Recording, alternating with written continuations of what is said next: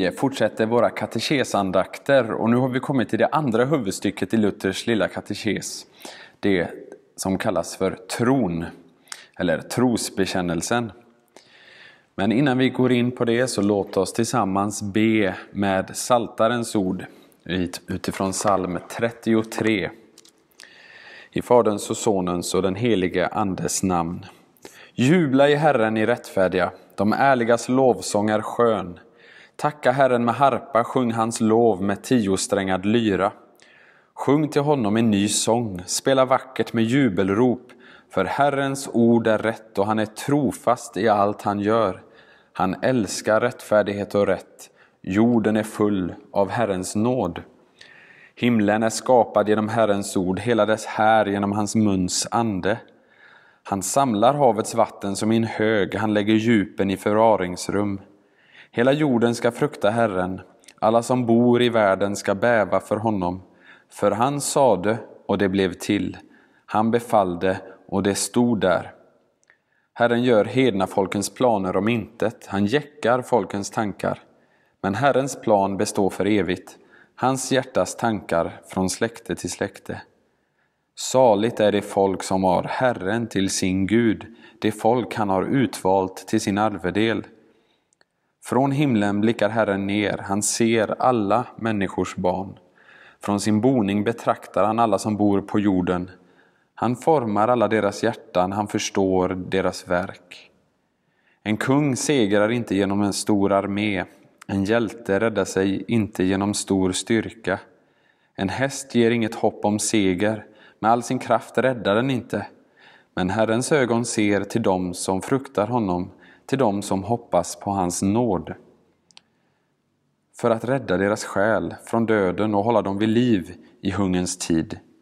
Vår själ väntar på Herren, han är vår hjälp och vår sköld. I honom gläder sig vårt hjärta. Vi förtröstar på hans heliga namn. Låt din nåd vila över oss, Herre. Vi sätter vårt hopp till dig. Amen. Idag så ska vi stanna särskilt vid den första trosartikeln och vi ska, som vi har gjort tidigare, ställa eh, fyra stycken frågor till det här katekesstycket, den första eh, trosartikeln. Vad lär vi oss av detta, för det första? Vad har vi att tacka för i förhållande till detta? Vad har vi för synder att bekänna i förhållande till den första trosartikeln? Och vad har vi att be om i förhållande till den första trosartikeln? Men vi börjar med vad vi har att lära oss av detta.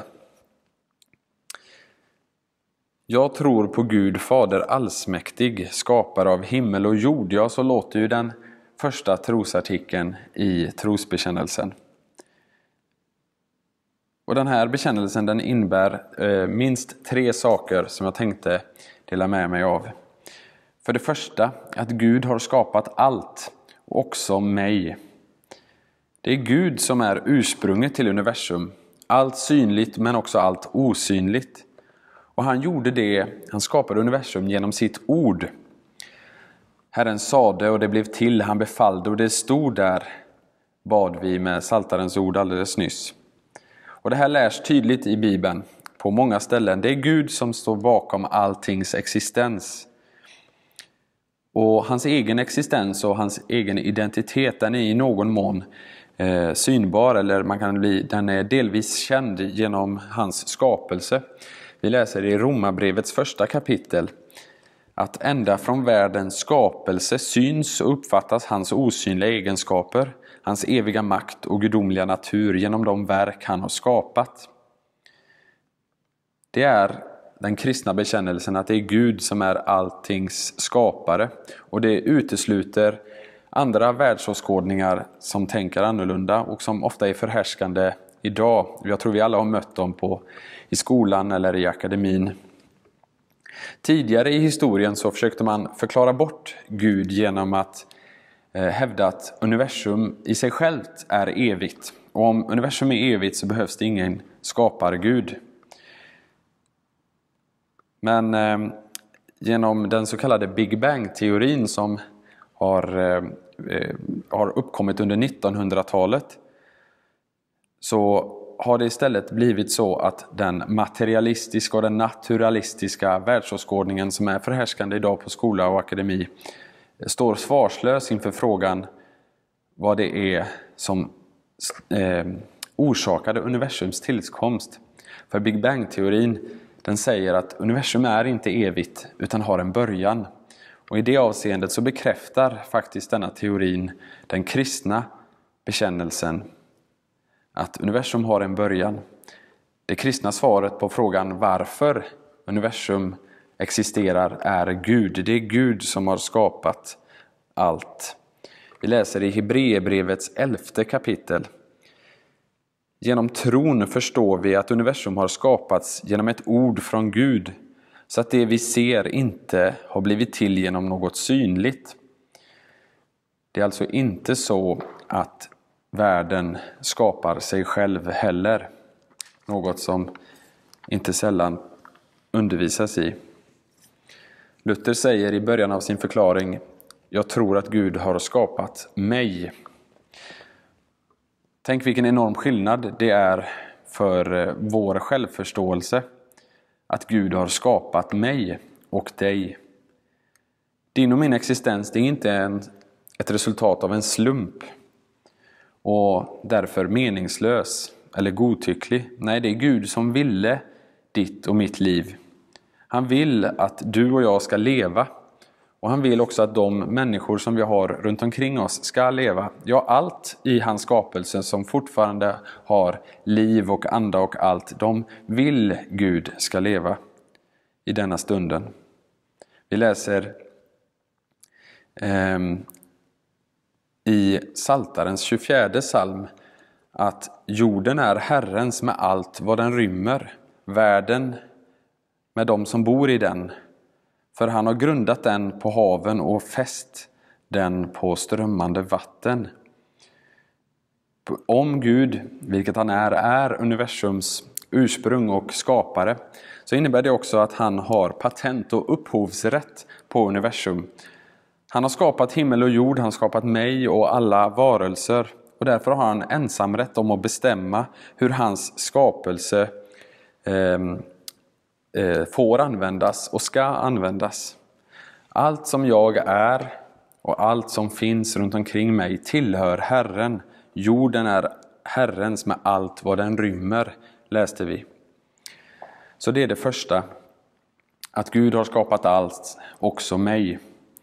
För det andra, Gud håller aktivt mig och övriga skapelsen vid liv. Och han ger mig allt han vet att jag behöver för att leva. När man inser att Gud har skapat allt eh, och också sig själv så är det inte underligt att man utbrister som kung David gör i sin 134 psalm. Jag tackar dig för att jag är så underbart skapad. Underbara är dina verk, min själ vet det så väl. Samtidigt så vet varje kristen, både utifrån Guds ord men också utifrån den egna erfarenheten, att den underbara skapelsen är fördärvad av synden. Att synden har tagit sig så djupt in i skapelsen att eh, hela skapelsen är döende. Också du och jag är döende på grund av synden. Men vi läser i Luthers förklaring att Gud ännu håller allt vid liv. Gud ger så att säga aktivt livsuppehållande behandling av världen och av mig och av dig. Om Gud hade upphört med sitt, sin aktiva livsuppehållande behandling så hade patienten dött. Och du och jag, vi hade inte kunnat leva en minut och inte heller skulle världen bestå en enda minut om inte Gud konstant hade utfört denna livsuppehållande behandling av den döende världen.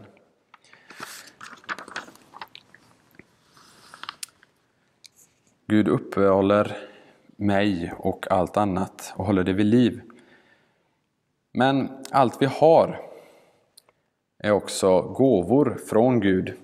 Luther ger flera konkreta exempel på, i sin förklaring för att gestalta det här att Gud ger allting.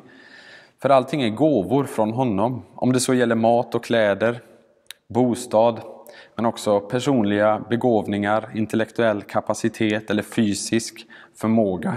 Allt som vi ofta betraktar som vårt, eller våra, någonting som vi har kämpat oss till, det är gåvor från Gud. Vi skulle inte kunna ha varken mat, kläder eller bostad om det inte varit så att vi hade fått den kraften från Gud att arbeta för att eh, få en lön och kunna köpa detta. Så i ytterst mening så är Gud verkligen givare av allting. I eh, Johannesevangeliets tredje kapitel så säger Johannes döparen till sina lärjungar att ingen, eller en människa kan inte ta sig något utan att det ges henne från himmelen. Och det är ju något som också kan sägas till dig och mig. Och Jesus säger till, eh, när han blir beskylld för att arbeta på sabbaten, att min fader verkar, eh, verkar fortfarande och därför verkar även jag. Ja, den kristna tron är att Gud är aktiv i sin skapelse. Han har inte bara skapat den och den, lämnat den åt sitt öde, utan han är aktiv i en livsuppehållande behandling av den döende patienten. Förutom att Gud i sin allsmäktighet eh, både har skapat mig och uppehåller mitt liv och ger mig allt som han vet att jag behöver för att leva, så läser vi i förklaringen att han beskyddar och bevarar mig för allt ont och farligt.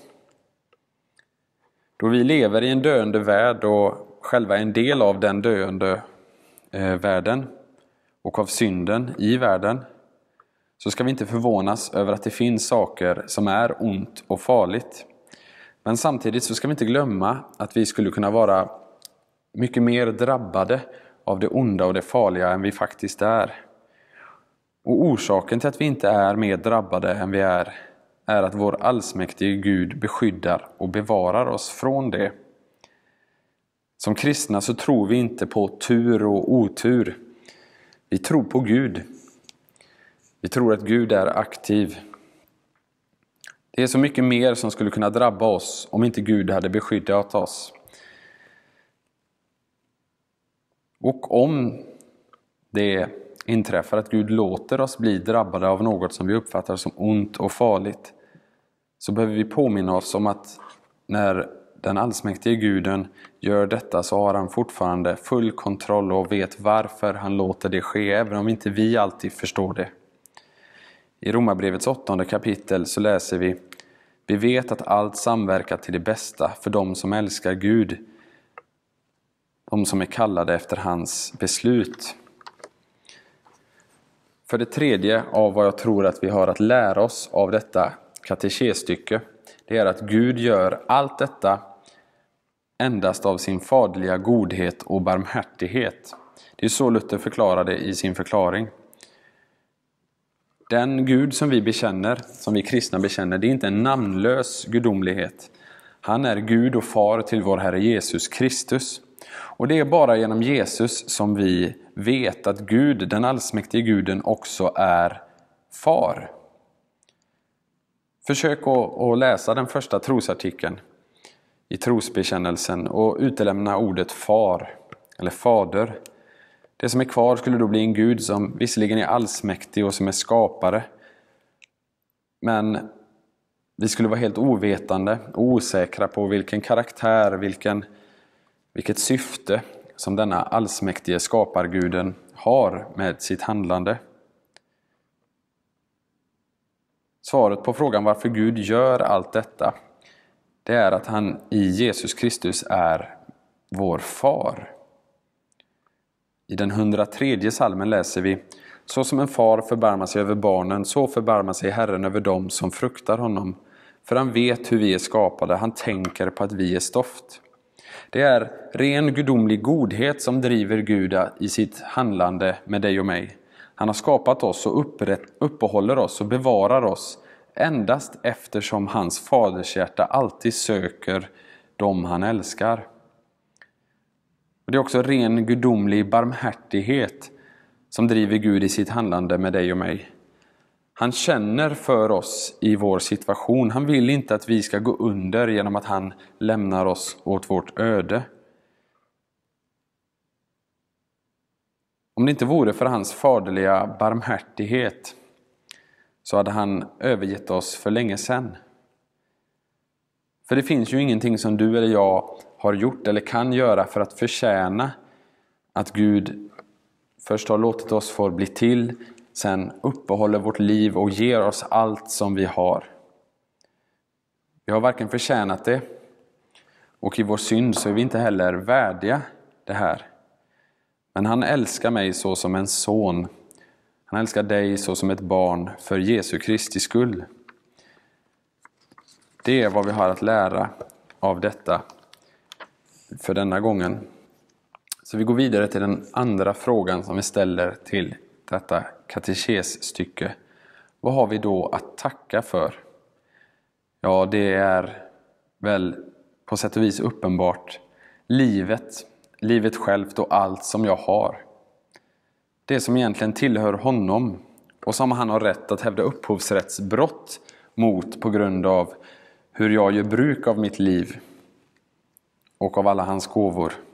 Men han är kärleken, han är tålmodig och mild. Han är Fadern. Vi har också tacka för det beskyddet och det bevarandet från allt ont och farligt som jag så ofta inte ser att jag, att jag hade råkat ut för om det inte vore för hans beskydd. Vad har vi för synder att bekänna i förhållande till den första trosartikeln? Jag tänker på tre saker. Högmod, förakt och förtvivlan. Högmodet som gör att jag lever som om Gud inte finns och att jag tror mig vara en oberoende varelse. Högmodet som gör att jag tror att allt som jag kan och allt som jag äger och allt som sker beror på min förträfflighet och min förtjänst. Högmodet som gör att jag inte ger Gud äran för allt gott jag har i mitt liv. Men också föraktet. Föraktet för skaparen genom att vi föraktar hans skapelse. Och Det gör vi genom att värdera våra medmänniskor och det och annat som Gud har skapat utifrån världens sätt att värdera det. Hur jag ser ner på dem som inte kanske är lika begåvade eller framgångsrika som jag själv är. Hur eh, vi hycklar och låtsas om som att vi inte föraktar dem. Hur vi gör som Jakob säger i sitt brev då vi med vår tunga välsignar Herren och Fadern men också förbannar människor som är skapta till Guds avbild med samma tunga. Förtvivlan, då vi både i kroppslig och själslig nöd tror att vår situation är så hopplös att, den, att Gud som är vår far, den allsmäktige guden, inte är allsmäktig nog att rädda oss ur den här nöden som vi befinner oss i. Kroppsligen eller själsligen. Så tre saker minst har vi att bekänna. Högmod, förakt och förtvivlan. Vad har vi då slutligen att be om? Ja, för det första om förlåtelse för vårt högmod, vårt förakt och vår förtvivlan. För det andra att eh, Gud, vår far, för Jesu Kristi skull fortsatt ska uppehålla våra liv och bevara och beskydda oss, främst vår själ, trots att vi inte har förtjänat det. Och för det tredje så har vi att be om att den helige Ande ska upplysa våra sinnen så att vi, så att vi inser hur beroende vi är av Guds godhet och barmhärtighet. Så att vi också tackar, lovar, lyder och tjänar honom. Låt oss be med katekesens ord. Allsmäktige Gud och Fader, vi tackar dig för den stora gåvan att få blivit skapade du är givaren av vår kropp och själ, ögon, öron och alla lemmar. Du har begåvat oss med förnuft och alla sinnen och av din barmhärtighet så håller du oss ännu vid liv. Vi tackar dig för allt som du varje dag och i stort mått ger oss av det som du vet att vi behöver för att leva. I din stora godhet så beskyddar du oss och bevarar oss för allt ont och farligt. Vi tackar och lovar dig för att du gör allt detta av din faderliga gudomliga godhet och barmhärtighet för Jesu Kristi skull och inte se till vad vi egentligen har förtjänat och är värdiga för våra synders skull. Ge oss genom den heliga Ande ödmjukhet istället för högmod, kärlek istället för förakt och tröst istället för förtvivlan och till sist tro till att tacka och lova, lyda och tjäna dig. Genom vår Herre Jesus Kristus. Amen. Så sjunger vi tillsammans psalm 2 i den svenska psalmboken, de två första verserna.